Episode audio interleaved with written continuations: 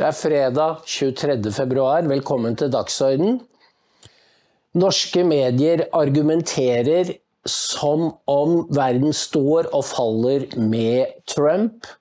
Hvis de bare kan få avverget at han blir gjenvalgt, så er verden reddet. Det er den versjonen de prøver å selge til dere. Men den som følger med på amerikansk politikk, vil jo oppdage noe helt annet. Og det er Jeg leste en kommentar av en som heter Dowd, som var altså kampanjesjef for Bush og Cheney, altså Bush 1, på 90-tallet. Eh, han sier at Nikki Haley prøver å jage noe som ikke lenger fins. Hun tror hun kan redde det republikanske partiet fra forta Trumps fortapelse og til å bli anstendige igjen. Men han sier, og dette er altså en gammel veteran som jobbet for første Bush, som også var CIA-sjef, eh, han sier det partiet finnes ikke lenger. Fordi, og det er ikke Trump som har forvandlet republikanerne til noen stygge greier som anstendige mennesker må redde det fra. Nei, det er republikanerne som er blitt et annet parti. Og hvorfor? Som svar på den venstreorienterte politikken til demokratene. Biter jeg merke i det? Det er ikke personorientert. Trump er et svar på en utvikling som har pågått i mange år i USA. Og det er klart, her er vi inne på hvorfor norske medier hater Trump så innbitt som de gjør. Fordi den samme utviklingen skjer her hjemme. Verdens rikeste stat flår egne borgere med strømpriser og importert inflasjon og høye renter. og en valuta som er søppel, i, i, nesten søppel. Det er halvparten av verdien av den danske krona. Det hører ikke noe sted hjemme. Alt dette er å flå ens egne borgere. Og da vil de trykke oss vanlige mennesker ned. Mens de som sitter i gode stillinger, de bare stiger opp. For dem er det ikke noe problem. Og det er mediene kjører da denne propagandaen på vegne av en ny klasse som har overtatt Norge. Det var det vi så eksempel på i debatten i går, hvor dette eh, Google har fått Altså en av verdens mektigste selskap har bare fått Grenland og norsk strøm servert på et sølvfat. Og det statlige selskapet som har kjøpt eh, Tellenes vindkraftpark av BlackRock. Eh, hun vil jo ikke si hva Google har betalt eller får strømmen for på en tiårskontrakt. Dette er det nye Norge. De får den kanskje til 30 øre, og du må betale alt fra ja, opptil seks kroner. Eh, det er altså ikke Og Hilde Tonne i Stat, Statkraft sa jo at dette er Vi må avskaffe strømstøtten fordi folk må lære seg til at energi koster. Men den koster altså ikke for et av de rikeste selskapene i verden. De får akkurat det de, det de eh, ber om.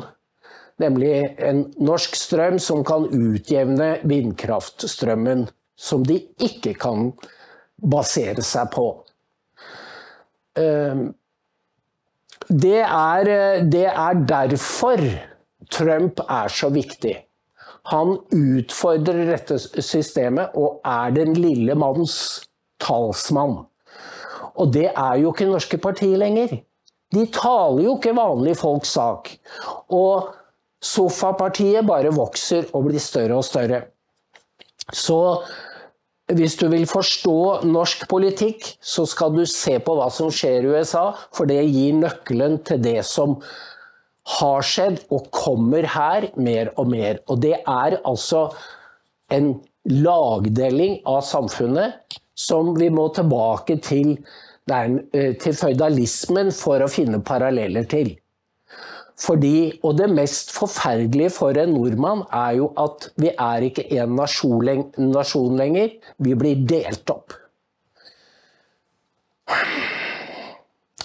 Da skal vi se på eh, da denne videoen som Matt Walsh har lagd om, eh, om Gemini, som er altså det nye kunstig intelligens-programmet som Google har lagt inn i alle sine systemer.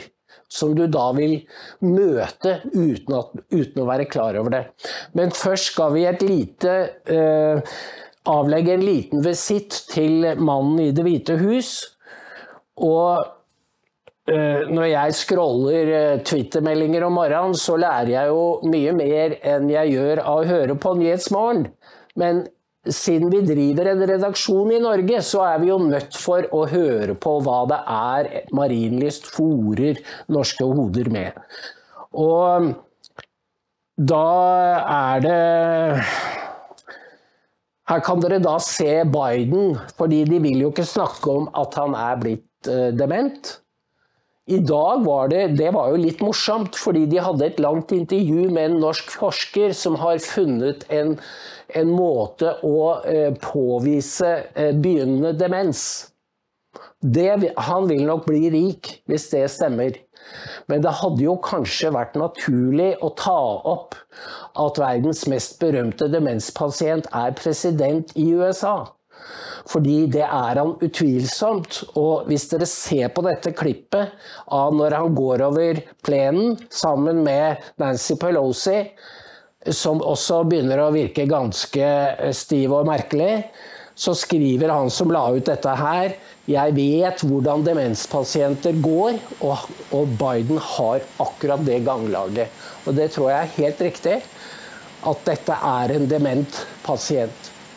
Og, som altså er president i USA. Og det går så fort.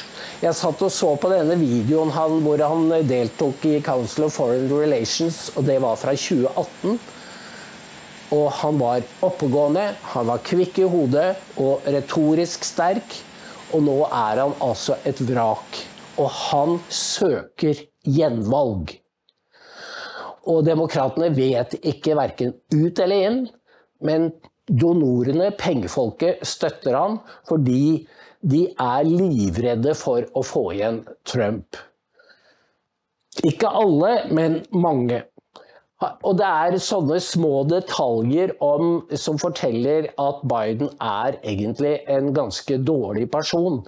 Fordi nå var det den andre sjeferen som de måtte sende bort. Denne het Commander in Chief.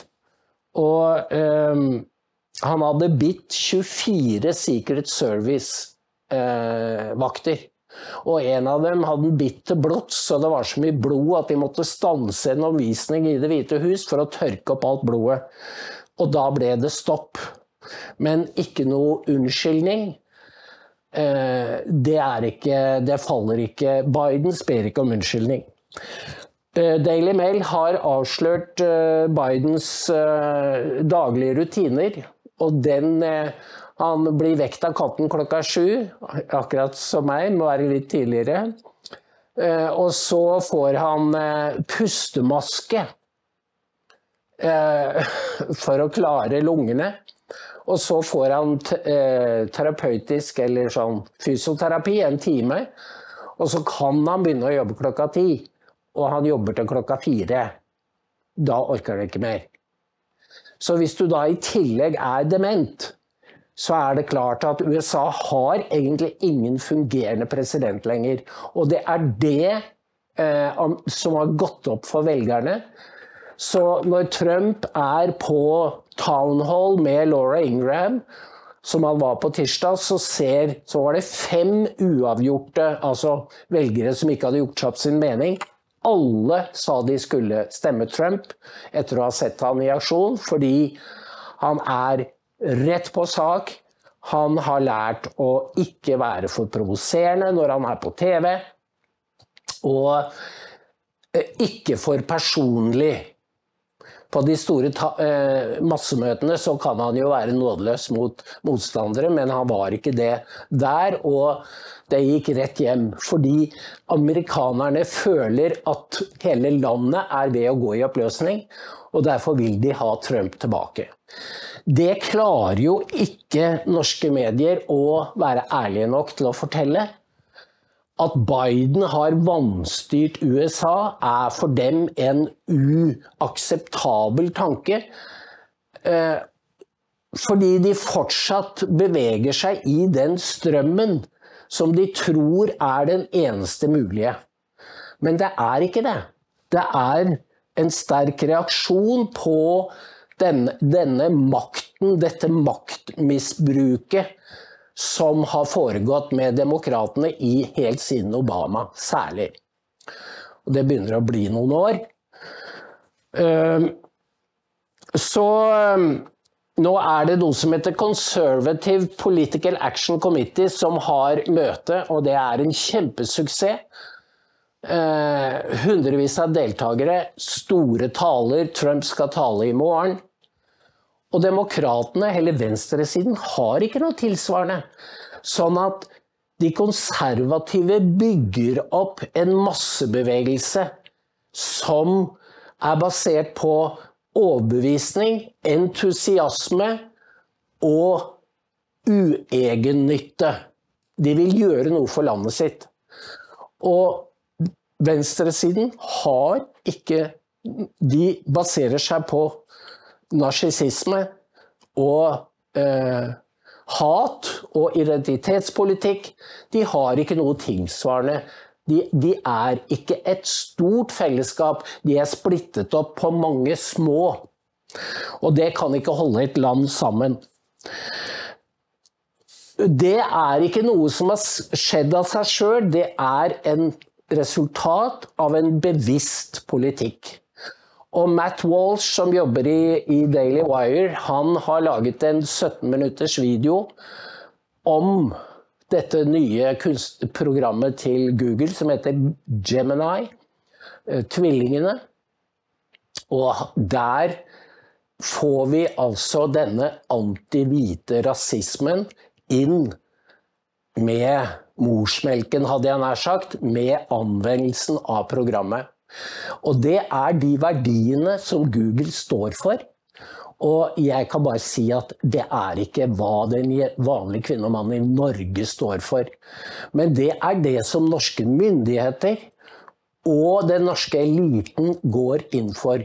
Du skal be om unnskyldning fordi du er velstående, du er en vinner i et stort lotteri, og du er hvit. Og det har du ikke fortjent. Vi begynner å se videoen, som er tekstet på norsk, og så skal vi kanskje stoppe underveis, men vær så god, Matt Walsh. Maybe you've heard of something called NVIDIA. It sounds like a prescription drug or maybe an African country, but it's actually a company based in California that's now worth more than all of China's stock market. It's the size of Canada's entire economy. Now, in a different era, obtaining this kind of growth meant making a massively popular and instantly recognizable consumer facing product like Windows 95 or Amazon.com or the iPhone. But NVIDIA's growth didn't come from making a computer or a popular website or anything like that. Instead, NVIDIA's growth came from making artificial intelligence chips that power the brains of computers and many popular websites. That's why NVIDIA had a very good day on Wall Street on Wednesday. Their business, artificial intelligence, is one of the fastest growing industries in the history of humanity. Every major corporation is rushing to implement AI in all of their products as quickly as possible. And so this week, it was Google's turn. And the results were so disastrous and so fraught with consequences for the future of this country that no reasonable person can ignore them.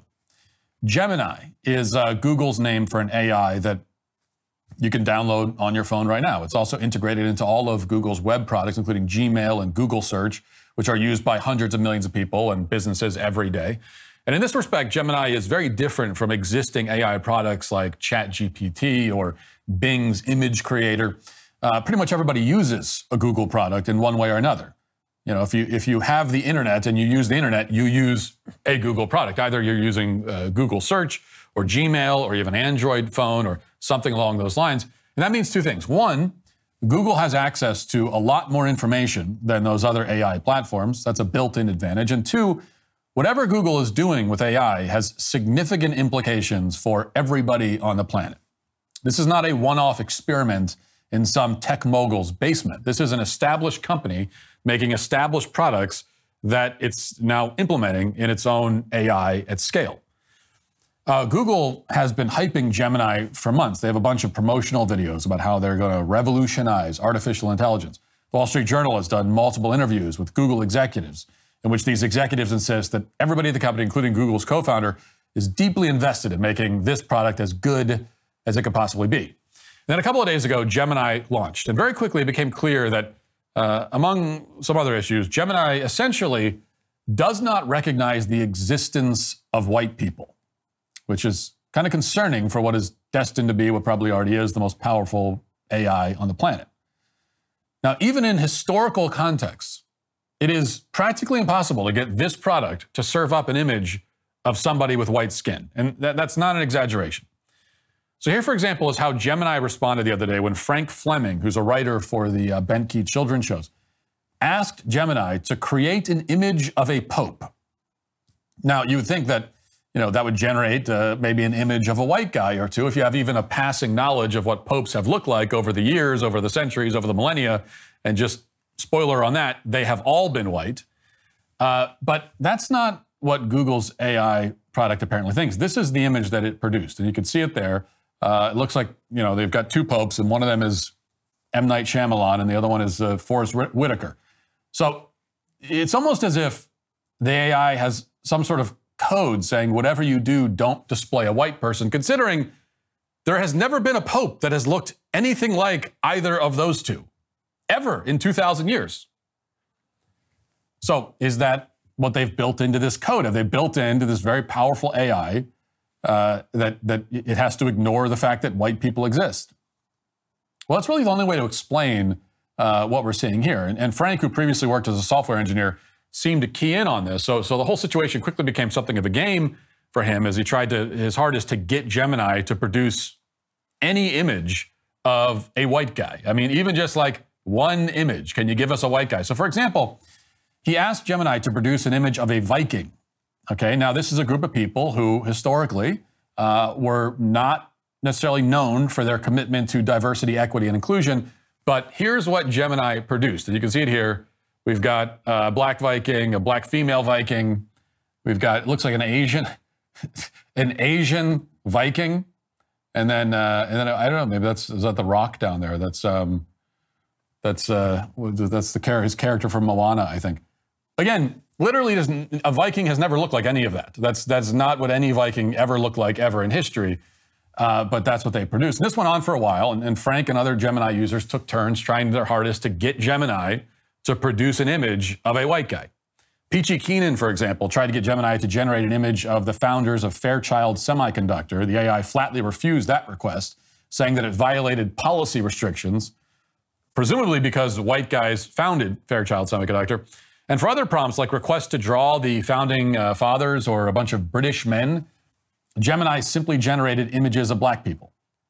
It even made sure that its images of Nazis contained a diverse non white group of people. Now, after thousands of images like this began circulating, a guy working on the Gemini team at Google put out a meaningless statement. He said, in essence, that uh, they're aware of, of issues with Gemini misrepresenting historical figures, but then you know, they, he doubled down on the need for DEI and artificial intelligence so that everybody feels seen or valued or whatever. And of course, the way to make everyone feel seen is to pretend that an entire race of people don't exist. To make sure that they are not seen at all is how you make everybody feel seen. At no point did any Google representative explain why their AI does not recognize the existence of white people or why it goes to extreme lengths to exclude white people from history. You know, it, there was no accounting for this, even though there has to be an explanation. And it's probably a pretty simple explanation. Like this doesn't happen by accident. You obviously put a line of code into this thing to come up with this result. And so, why did you do that? They wouldn't explain it, so I went looking for an explanation. I came across a woman named Jen Ganai, who um, bills herself on her LinkedIn as the founder of Google's Global Responsible AI Operations and Governance Team. In that capacity, Ganai says that she ensured Google met its AI principles, our company's ethical charter for the development and deployment of fair, inclusive, and ethical advanced technologies. She says that she took a quote, principled, risk based, inclusive approach when conducting ethical algorithmic impact assessments of products prior to launch to ensure that they didn't cause unintended or harmful consequences to the billions of Google's users. And apparently, uh, you know, a harmful consequence would be showing an image of a white Viking. That might be very harmful to somebody, and so we got to make sure that we don't let that happen. Uh, now, currently, Ganaye says that she's an AI ethics and compliance advisor at Google. Now, what Ganaye doesn't mention on her LinkedIn is that her goal for a long time has been to treat white people differently based on their skin color. It's what she wants her AI to do. It's what she it's what she does also. Three years ago, Ganaye delivered a keynote address at an AI conference in which she admitted all of this. After introducing herself with her pronouns, which, uh, by the way, are she, her, in case you're wondering, Ganaye explains what her philosophy on AI uh, is, and, and uh, here's what she says. Watch.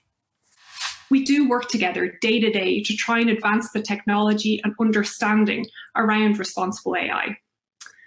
So today, I won't be speaking as much from the Google perspective, but from my own experience. I have worked at Google for over 14 years.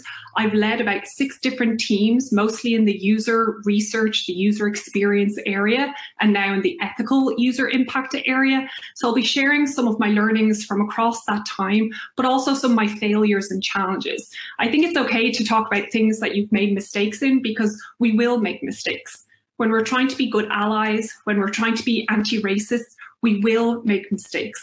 The point is, though, to keep trying, to keep educating yourself and getting better day to day. It's about constant learning. It's okay to talk about the things you've made mistakes in, says Jen Ganaye. When, when we're trying to be good allies, when we're trying to be anti racist, we will make mistakes. Well, you know, in retrospect, after the launch of uh, Gemini, that would turn out to be kind of a massive understatement. The kind of mistakes that Jen Ganaye is talking about in this uh, keynote aren't mistakes like eliminating all white people from Google's AI, which seems like a pretty big mistake, even though, again, not really a mistake, it's obviously deliberate. Instead, she's talking about failing to live up to the racist ideals of DEI, which apparently means treating non white employees differently. Watch. A corporate study found that talented white employees enter a fast track on the corporate ladder, arriving in middle management well before their peers, while talented Black, Hispanic or Latinx professionals broke through much later. Effective mentorship and sponsorship were critical for retention and executive level development of Black, Hispanic, and Latinx employees. So this leads me into sharing an inclusion failure of mine, one of many, but just one that I'll share so far. I messed up with inclusion almost right away when I first became a manager. I made some stupid assumptions about the fact that I built a diverse team, that then they'd simply feel welcome and will feel supported. I treated every member of my team the same and expected that that would lead to equally good outcomes for everyone. That was not true. I got some feedback that a couple of members of my team didn't feel they belonged because there was no one who looked like them in the broader org or our management team. It was a wake up call for me. First, I shouldn't have had to wait to be told what was missing. It was on me to ensure I was building an environment that made people feel they belong. It's a myth that you're not unfair, unfair if you treat everyone the same. There are groups that have been marginalized and excluded because of historic systems and structures that were intentionally designed to favor one group over another. So you need to account for that and mitigate against it. Second, it challenged me to identify mentoring and sponsorship opportunities for my team members with people who looked more like them and were in senior positions across the company. Yeah, of course, the irony here is that this woman, Jen, is uh, sounds like she's Scottish or Irish or whatever. Uh, Irish, I'm going to assume. But the funny thing is that if you were to ask uh, Google's AI for an image of an Irish person, it would not produce any image that looks anything like her. It would give you a bunch of images of like Cardi B and Sexy Red or something. Sexy Red does have red hair, so like maybe she is Irish. Uh, this is the head of ethics of Google AI, a senior manager, saying that it's a bad idea to treat everyone the same, regardless of the color of their skin. She is explicitly rejecting this basic principle of morality. And instead, she says that she learned that she has to treat certain groups differently because of historic systems and structures. And therefore, she says those demographic groups are entitled to unique treatment and, and mentorship opportunities. Now, later in this address, uh, she goes on to explain what equity means in her view. And this is where the things really kind of get hilarious to the extent that you can laugh at someone this low IQ and also, frankly, evil. Uh, Watch. Allyship involves the active steps to support and amplify the voice of members of marginalised groups in ways that they cannot do alone. In the workplace, this can involve many things from being an active mentor or sponsor to those from historically marginalised communities to managers of managers setting specific goals in hiring and growth for their teams to ensure fairness and equity of opportunity and outcomes for underrepresented populations. However, back to the point about language being very important, using the title of ally can also come across as othering. So I always state both the groups I'm a member of and support, as well as those that I'm a member of, more of a mentor and a sponsor of, to ensure that it doesn't look like that I'm othering others. So, for example, I would say I'm an ally of women, Black people, LGBTQ. I want to say I'm a champion advocate of all of these groups, not that I'm outside or exclusionary of them. Again, it's worth emphasizing these are the people that are behind the AI systems that are going to be and really already are ruling the world. Um, but I want to repeat what she said because it's hard to believe when you know when this is said out loud. So just to repeat, she says using the title of ally can come across as othering. So I always state both the groups I'm a member of and support, as well as the ones I'm more of a mentor and sponsor of, to ensure that it doesn't look like I'm othering others. Yeah, you don't want to other the others.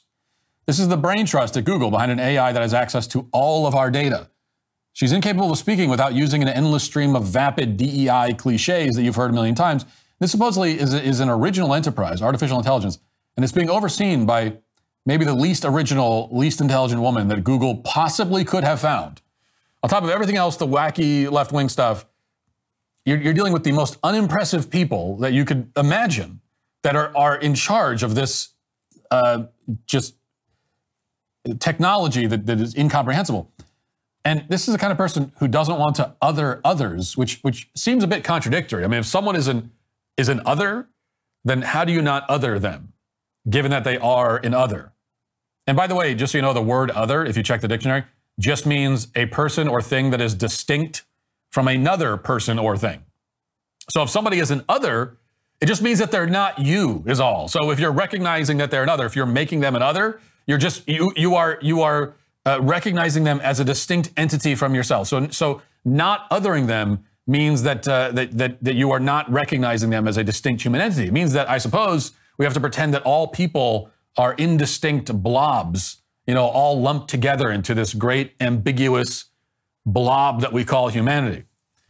Now, none of this makes any sense, but uh, she has made it very clear that this DEI word salad is the guiding philosophy behind Google's new AI. There's no firewall between her and the product. Watch.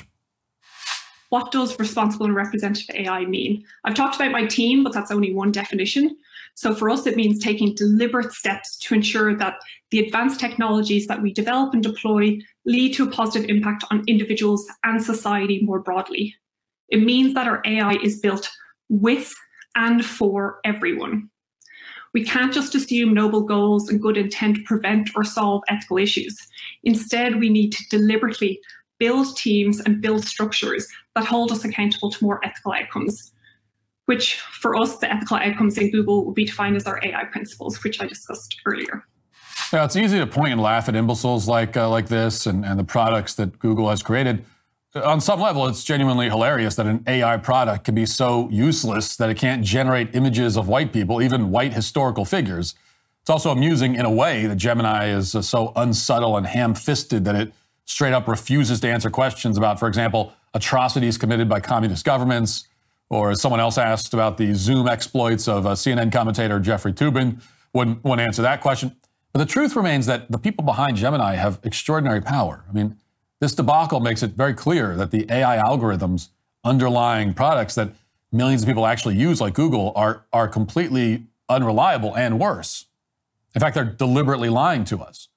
They're downranking unapproved viewpoints and disfavored racial groups, and they're promoting the laziest possible brand of neo Marxist ideology at every opportunity. And they're doing it also to influence the next presidential election, by the way. You might remember that after Donald Trump won in 2016, Breitbart posted leaked footage of Google executives grieving during an all hands meeting. Let's watch that again. I certainly find the selection uh, deeply offensive, and I know many of you do too. It did feel like a ton of bricks dropped on my chest. What we all need right now is a hug. Can I move to Canada? Is there anything positive you see from this election result? Oof. Uh, boy, that's that's a really tough one right now.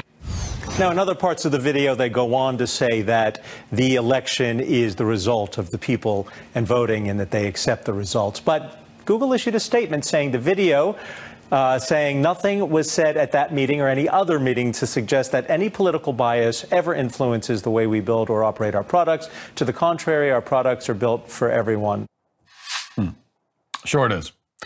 I find this election deeply offensive. We all need a hug, we're told. It was at this moment that Google decided that downranking conservative websites wasn't enough. In order to really influence elections, they decided uh, they needed to develop an AI that will force feed DEI and anti white racism on everyone at every opportunity.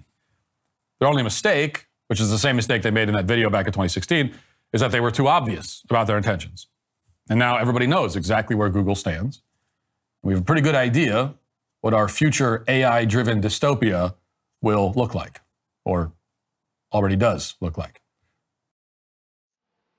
Vi må kanskje være glade for at disse lederne for Google er så fylt av sine egne ideer og verdier at de lager et produkt som normale mennesker reagerer på og gjennomskuer. Fordi det er jo frapperende at mennesker som har så stor teknisk kunnskap til programmering, utvikling av kunstig intelligens, ikke forstår noen ting av hva det vil si å være menneske. Disse har falt for ideer som ble totalt diskreditert i det 20. århundre. De låner litt både fra nazisme og fra kommunisme.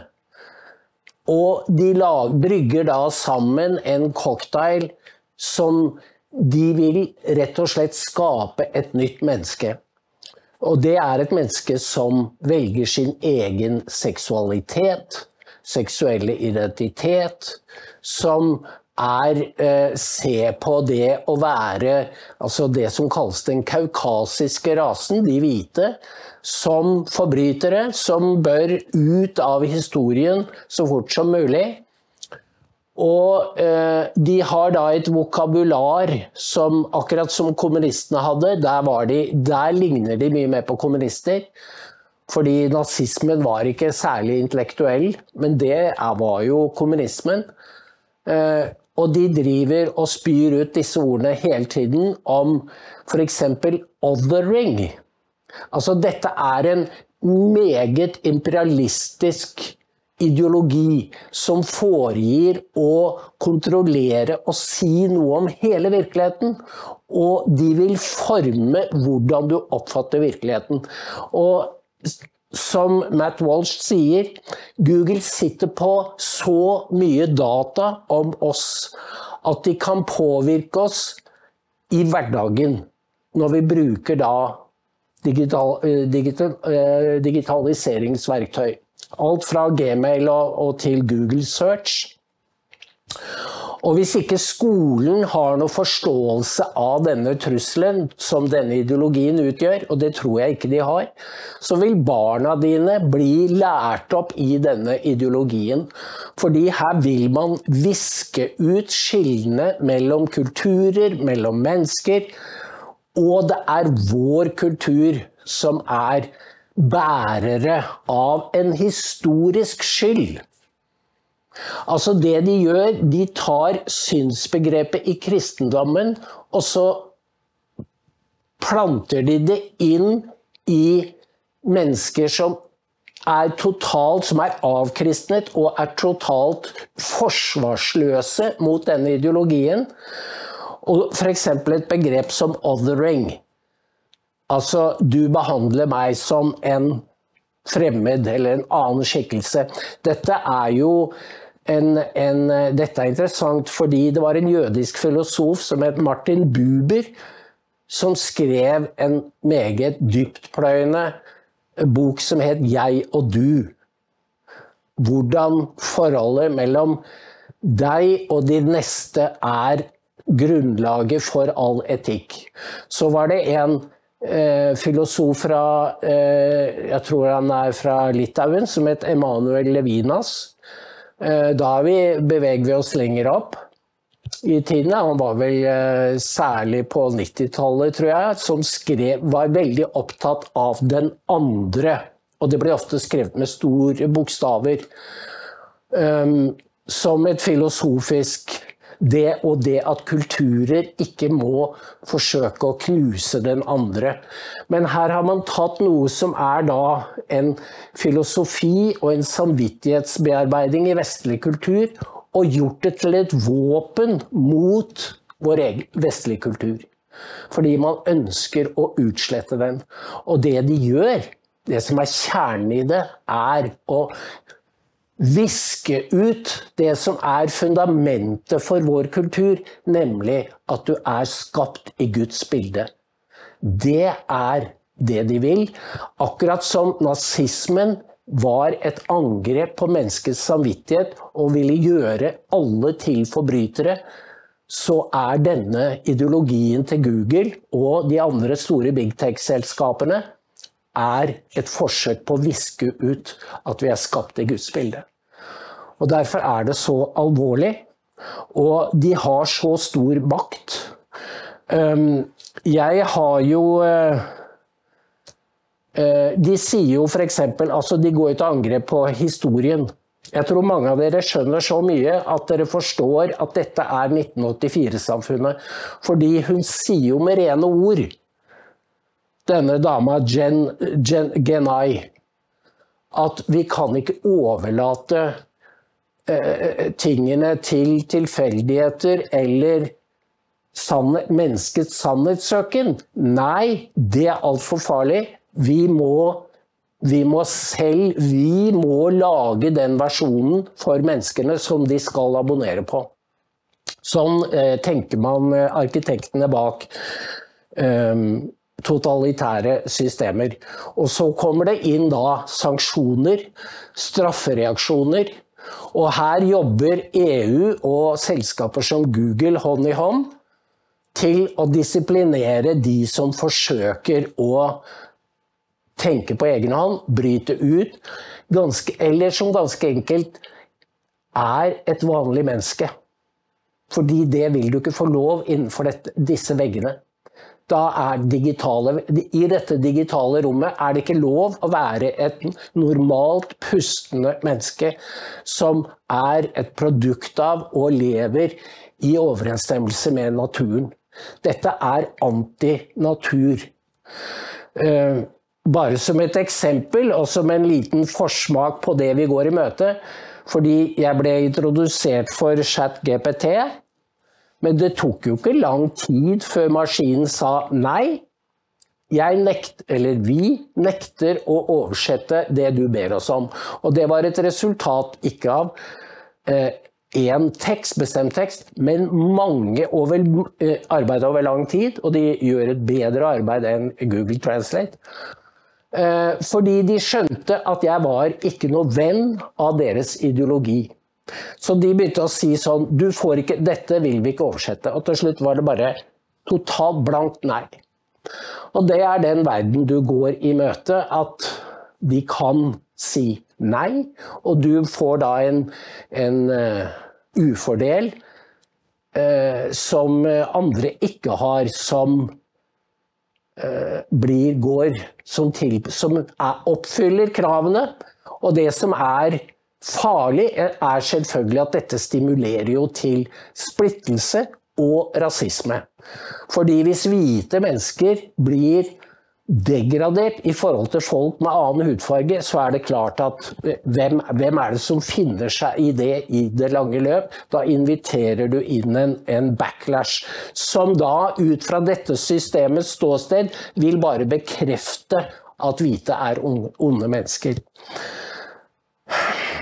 Ja, kjære seere, dette er alvorlige greier. Det kommer til å møte oss på alle mulige plattformer som vi opererer innenfor. Og det er krefter som da ikke ønsker, og de er anti, ikke bare antinasjonale, men også da anti din kultur, din religion og din hudfarve. Det er en ganske heavy dose. Og det vil selvfølgelig være som å rulle ut en rød løper til kulturer som lider av eh, triumfalisme og overmaktforestillinger. Jeg behøver ikke si noe mer. Som har sagt at ja, vi er ikke vant til å være i minoritet. Her får de en voldsom drahjelp av denne AI-ideologien til å stige til værs og bli nummer én. Og da blir det ikke godt å være norsk.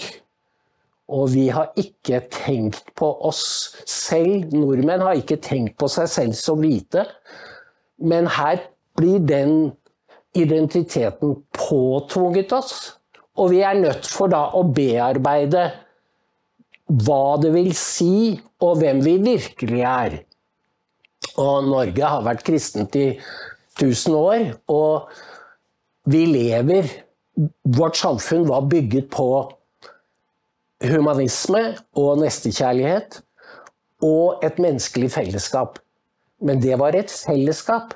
Det var ikke at noen står over andre. Og selv om det har foregått urettferdigheter tidligere, så er de blitt opphevet ved at man har innsett at det er feil å forskjellsbehandle. Og Derfor er dette rene giften, fordi man frister nye innbyggere til å undertrykke det, folket i det landet man er kommet til. Så dette er gift for det nye Norge. Og jeg tenker vi satser på det gamle, hvor det het her er det verken jøde eller greker, men vi er alle forenet i Jesus Kristus. Takk for i dag.